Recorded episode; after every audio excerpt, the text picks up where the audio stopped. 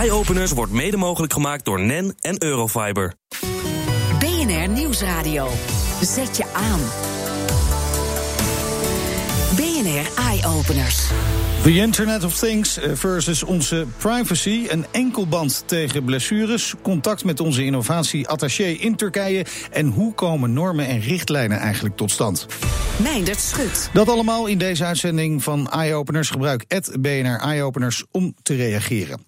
Nieuwe technieken, processen en producten moeten vaak voldoen aan een aantal eisen. Soms zijn die wettelijk vastgesteld en soms is er alleen sprake van richtlijnen of normen. In Nederland worden die normen ontwikkeld door NEN, uh, toevallig ook onze sponsor, maar daar gaan we het vandaag niet over hebben. Bij ons in de studio Annemarie de Jong van NEN en we hebben in de studio Jean-Pierre Thomassen en hij is van CustomerDelight.nu. Laten we even bij het begin beginnen. Uh, Annemarie de Jong. Uh, waar komt de vraag voor een richtlijn eigenlijk vandaan? Komt die altijd uit het bedrijfsleven of vaak ook vanuit de overheid? Ja, dat kan eigenlijk overal vandaan komen. Partijen in een land kunnen op een gegeven moment zeggen van nou, we, uh, zoals bijvoorbeeld voor Service Excellence, van laten we in uh, Duitsland is dat gebeurd. Uh, bij elkaar kijken hoe we dus uh, service excellence op een hoger niveau kunnen brengen. En dan kunnen gewoon private partijen samen met het Duitse Normalisatieinstituut in dit geval okay. een norm maken. Oké, okay, dan hoe, hoe, begin je zo'n proces? Hè? Want u, u, zegt het al, het kan vanuit het bedrijfsleven, het kan vanuit de overheid. Maar op een gegeven moment moeten die partijen bij elkaar komen ja. en die moeten het eens worden over een bepaalde norm. Ja, precies. Dan moet eerst officieel goedgekeurd worden. Alle leden van ISO, in dit geval internationaal, moeten het ermee eens zijn. En dan worden aan alle landen, alle normalisatieinstituten in alle landen, gevraagd van lever daar experts voor. Dus het is echt een bottom-up okay. proces. Je wilt draagvlak natuurlijk. Met wat er uitkomt, die norm, die moet gebruikt worden. Dat wil je, daar doe je het voor. -hmm. Dus dat kun je het best bereiken door iedereen erover te laten meedenken. Ja. En iedereen heeft ook andere belangen erbij. Nou, is het iets wat we nu heel normaal vinden? Zo'n norm, dat uh, heel veel zaken een norm hebben, dat uh, producten voldoen aan een norm, dat uh, er afspraken worden gemaakt. Maar dat is natuurlijk niet altijd zo geweest. Waar is het begonnen? Wat was de eerste norm die we hadden? Oh ja, ik geloof dat we inderdaad een NEN 1 over klinknagels. NEN 1 over klinknagels? Ja, ja dat heb ik toevallig ook vorige week Uit welk jaar stamt die? nou, 2016. 2000, nou, ja. dat moet nog komen, hè? Dat ja. is, uh, uh, denk, 19, uh, 1916 natuurlijk, 1916, maar volgend jaar... 100 jaar geleden dus. Ja. Dat, dat, was de eerste. Inmiddels zijn er ongelooflijk veel gekomen natuurlijk, gevolgd van die normen. En dat is nog steeds een proces wat gaande is.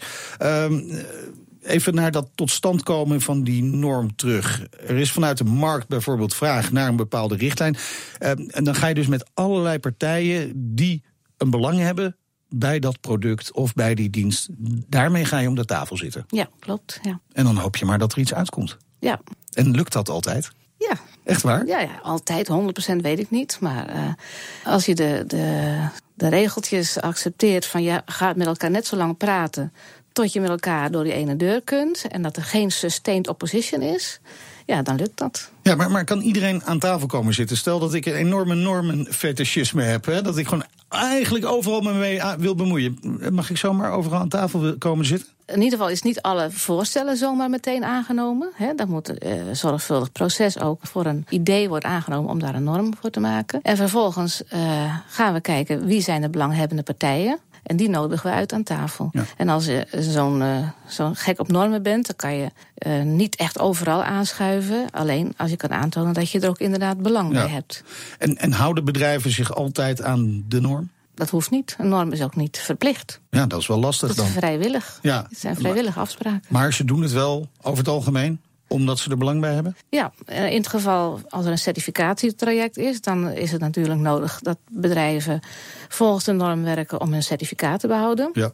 En, en anders is het vooral ook eigen belang. Ja, en dat certificaat dat willen ze natuurlijk heel graag behouden richting uh, de klanten. Dat is een aardig bruggetje richting Jean-Pierre Thomassen. Uh, jij bent voor NEN bezig geweest met een nieuwe Europese richtlijn op het gebied van service en of klanttevredenheid. Deze Customer Delight richtlijn, hè, die wordt uh, morgen gepresenteerd. Hoe was het om met al die landen om de tafel te zitten om tot zo'n richtlijn te komen? Dat is een proces geweest van 2,5 jaar. 2,5 jaar. 2,5 jaar. Ik, uh, volgens mij hebben we tien vergaderingen gehad in Berlijn, in uh, Londen, Brussel, Parijs, Delft. In het begin is dat wel enorm wennen natuurlijk. Omdat je, je zit met een uh, groep mensen die met verschillende nationaliteiten. Mm -hmm. Ook een verschil in, in kennis ten aanzien van het thema. Er waren landen die echt experts gestuurd hadden. Maar er waren ook landen bij die hadden mensen gestuurd. Ja, omdat ze er waren. Welke, welke landen waren dat?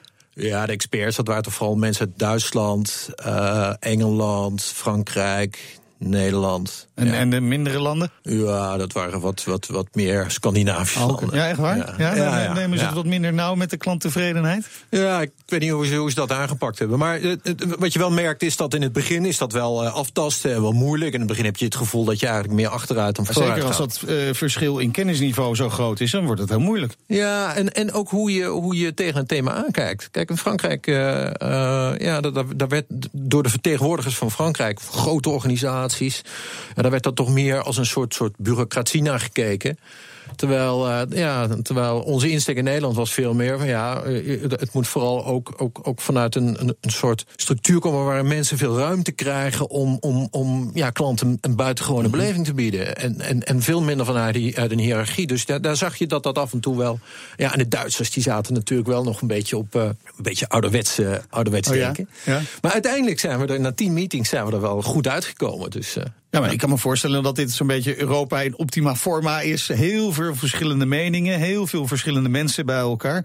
Dat vraagt ook om een aparte aanpak dan, kan ik me voorstellen. Ja, dus, dus wat, de- wat de voorzitter, dat was een uh, Duitse professor, Matthias Gauthier, wat hij gedaan heeft, is gezegd van joh, eh, bepaalde dingen, daar hebben we nou twee keer over gediscussieerd. Dat staat vast. Gaan we niet meer over discussiëren. En nu gaan we verder. Dus dus uh, op die manier uh, is er wel voor gezorgd om te voorkomen dat we elke keer weer terugvielen in discussies die we uh, drie keer geleden ook al een keer gevoerd Ja. hadden. Nou kan ik me voorstellen dat heel veel bedrijven heel graag willen weten wat nou het gouden ei is als het gaat om klanttevredenheid. Kunnen ze dat in deze norm gaan vinden? Ja, ik, ik, ik, het is leuk dat je het woord gouden ei gebruikt. en ik, ik word regelmatig gevraagd door ondernemers van ja, wat, kunt, kunt u mij het gouden ei Ja. vertellen? En dat is er natuurlijk niet. Want waar het hier om gaat is, uh, in deze richtlijn staat eigenlijk van wat moet je doen om een, een dikke 8, een 9 of een 10 van je klant te verdienen. Dus dit is niet van doen wat je moet doen. Nee, dit is iets extra's doen. Die vraag dus, die beschrijft dus niet wat je moet doen richting de klant. Nee. Want dat is voor elk bedrijf Ja. anders.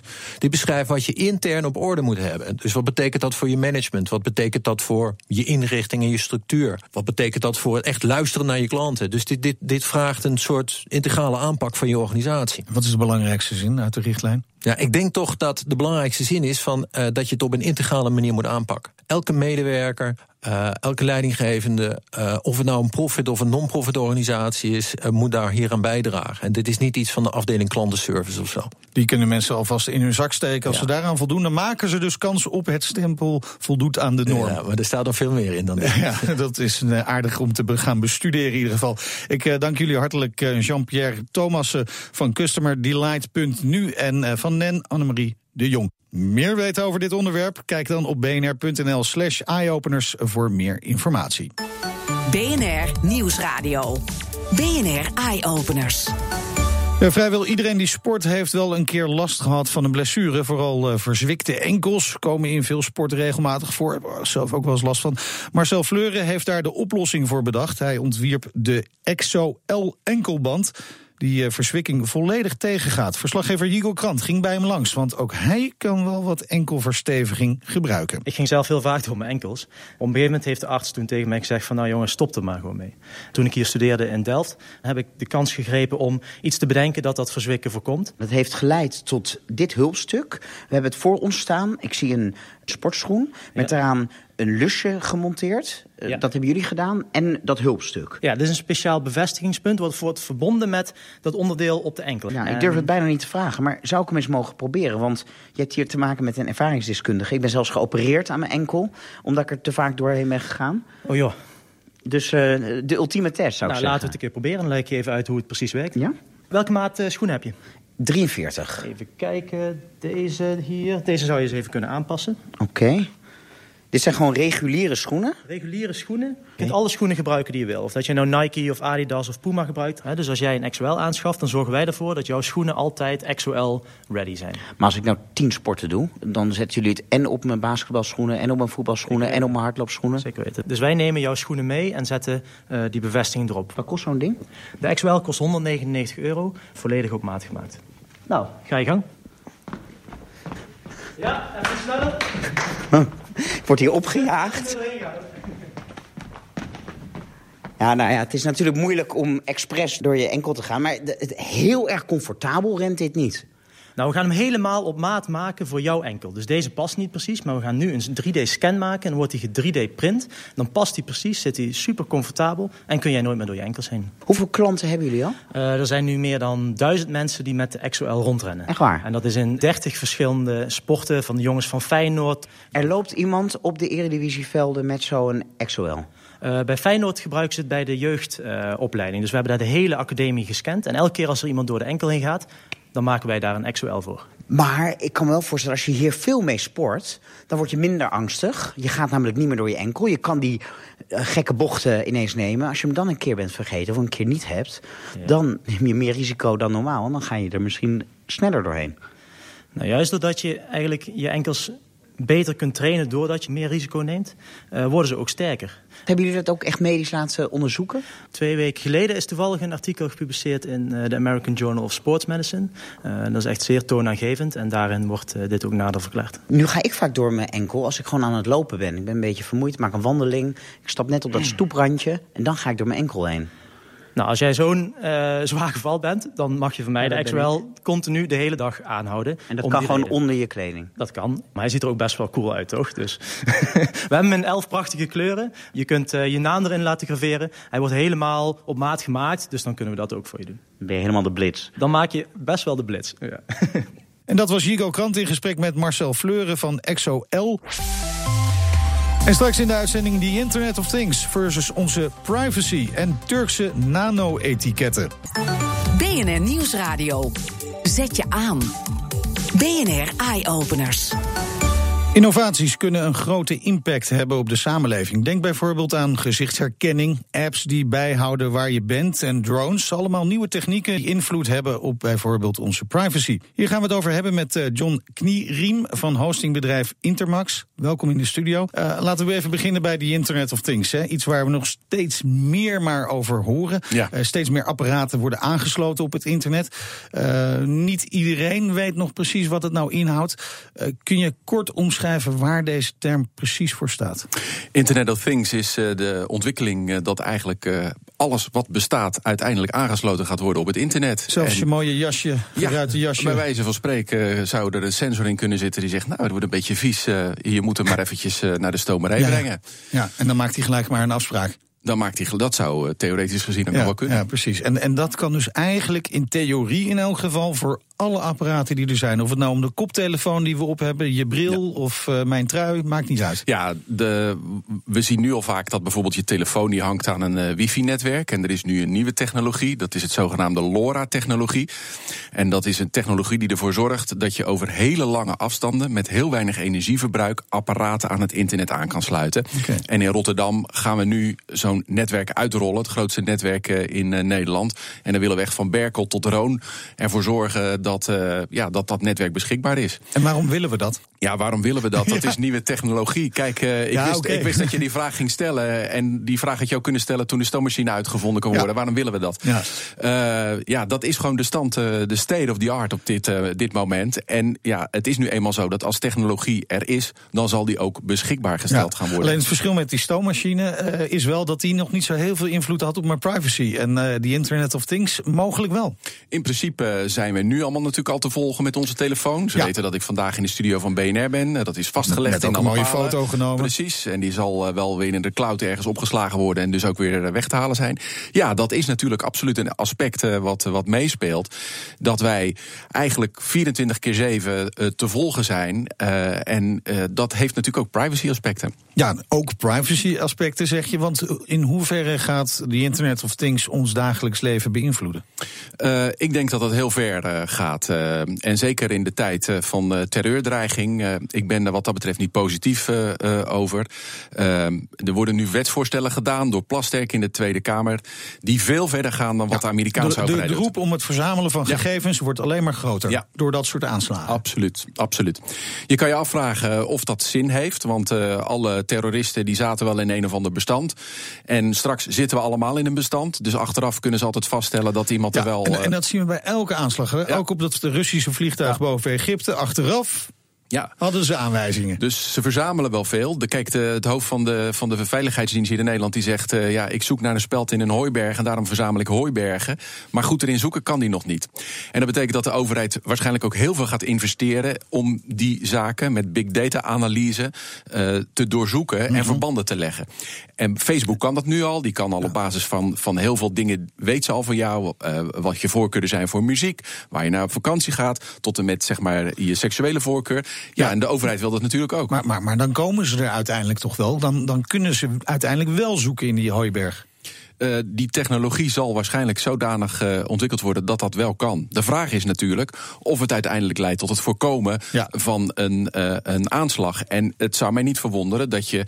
Er is een film, The Minority Report. Mm -hmm. En daar heb je een ministerie van pre-crime. Ja. En die probeert te voorkomen dat er een, een, een, een offense gepleegd wordt voordat die gepleegd wordt. Wordt dat ik, steeds realistischer? Ik denk dat wij uiteindelijk in een situatie terechtkomen, hoe ernstig dat ook is, waarbij je op basis van gedachten veroordeeld gaat worden worden. Zeker als we in staat van oorlog verkeren met ISIS, wat nu door de minister-president gezegd is, dan zou je het hebben van gedachten, positieve ja. gedachten over ISIS, al als een, uh, uh, ja, als een overtreding kunnen zien. Nou, het lijkt me niet heel handig als de overheid in mijn gedachten kan uh, af en toe. Maar uh, en dat geldt denk ik voor heel veel mensen, eigenlijk voor iedereen. Want ja. iedereen heeft wel eens uh, wat stoute gedachten. kunnen, kunnen we het nog voorkomen? Kunnen, kunnen we er nog zorgen dat de privacy wel gewaarborgd wordt? Nou ja, je ziet de, vaak de tegenstanders die zeggen... we moeten bepaalde technologie niet, niet toepassen. Ja, ik denk dat dat geen realistische optie is. Dat is gewoon een achterhoedegevecht. En daarom ben ik ervoor dat we met elkaar iets ontwikkelen... op basis waarvan ja, er toch gekeken wordt of er op een rechtmatige wijze met zaken omgegaan wordt. Er is een enorme tendens bij de overheid en een wil bij de overheid om, om maar zonder allerlei gerechtelijke toetsingen ja. allerlei dingen van jou te verzamelen. Dus ja, ik, ik pleit er eigenlijk voor dat wij echt een heel gezaghebbend instituut optuigen. Wat veel beter toegerust is dan het huidige Centraal uh, Bureau voor de Persoonsregistratie. -hmm. Dat is eigenlijk het tandeloze tijger met nauwelijks budget. Uh, en dat soort instituties zouden ertoe kunnen bijdragen dat, ja, dat we ervoor zorgen dat er geen misbruik gemaakt ja, wordt. Ik denk gelijk aan de afspraken, richtlijnen. Ja, natuurlijk. Die zijn, uh, zijn ook van belang. Zeker in mijn, uh, mijn vakgebied. Ja. We doen bijvoorbeeld veel voor de zorg. Uh, de komen klanten die komen bij ons en zeggen: Hier heb je mijn data, pas er goed op. Nou, dat moet je dan ook aantonen dat dat uh, gebeurt. Dus ik ben wel een, uh, een fan van de, de ISO en de NEN-normeringen. Ja. Het zou goed zijn als de overheid ze als eerste zou gaan toepassen. Kijk. Want dat is de allerslechtste bewaker van onze privacy. Als je kijkt naar een SUWINet bij de gemeentes, ja. waarin allerlei gegevens gekoppeld worden aan elkaar. Niemand hanteert de richtlijnen. Ook bij de politie. Die, heb, die hangen gewoon de briefjes van de wachtwoorden aan de, aan de beeldschermen. Ja, en zo krijg je mollen die zich automatisch ja. kunnen abonneren op ja. nieuwsfiets over, ja. over rechercheonderzoeken. De overheid is wat dat betreft, heeft het heel erg slecht op orde. En dat zou ons tot zo grote zorgen moeten nou, maken. Richtlijnen dus, daar gaan we het even over hebben. Uh, we hadden natuurlijk net al iemand van de NEN in de uitzending... maar er is nog iemand aangeschoven, namelijk Femke Werkman. Uh, ook van NEN. Ja, uh, kunt u ons vertellen of er al normen en richtlijnen op dit gebied zijn? Op dat gebied van Internet of Things? We zijn er druk mee bezig. normen en richtlijnen op het gebied van cloud computing, Internet of Things... daar zijn we allemaal al mee bezig. 27.001 informatiebeveiliging is een norm die al een aantal jaren bestaat. Die wordt steeds ook weer herzien. En we kijken elke keer naar de ontwikkeling in de markt waar behoefte aan is. Dus wij zorgen dat de normen en richtlijnen ook mee ontwikkelen met wat er nu in de markt ja. zich afspeelt. En, en, en, komt er inderdaad ook veel vraag vanuit de markt? Ja, zowel vanuit de markt als wat wij zelf signaleren. Want wij houden natuurlijk ook goed in de gaten wat er speelt. Soms vanuit de overheid komt er ook al een vraag van... goh, kunnen jullie zorgen dat er uh, belanghebbenden om tafel komen... want we moeten hier verder over gaan nadenken. Dus dan gaan we op die manier uh, normen of ja. richtlijnen verder ontwikkelen. Ja. Een nadeel van de, de normen en richtlijnen, zoals we net in het eerste gesprek ook al hoorden... is dat ze niet wettelijk verplicht zijn. Uh, daar valt daar iets aan te veranderen? In sommige gevallen kan de overheid ervoor kiezen om wel te verwijzen naar normen. Dat die gehanteerd ja. moeten worden. In nou, want John, eh, dat moet wel gebeuren dan natuurlijk. Dat nou, moet, ik, ik niet. Denk je dat we met ik weet afspraken het. er komen? Ik denk dat uh, ook als je kijkt naar de economische crisis en de problemen bij de banken, dat er best wel wat regels waren. Maar dat het gebrek aan, aan acceptatie van die regels door die bedrijven en gebrek aan moraliteit vaak een veel groter probleem is.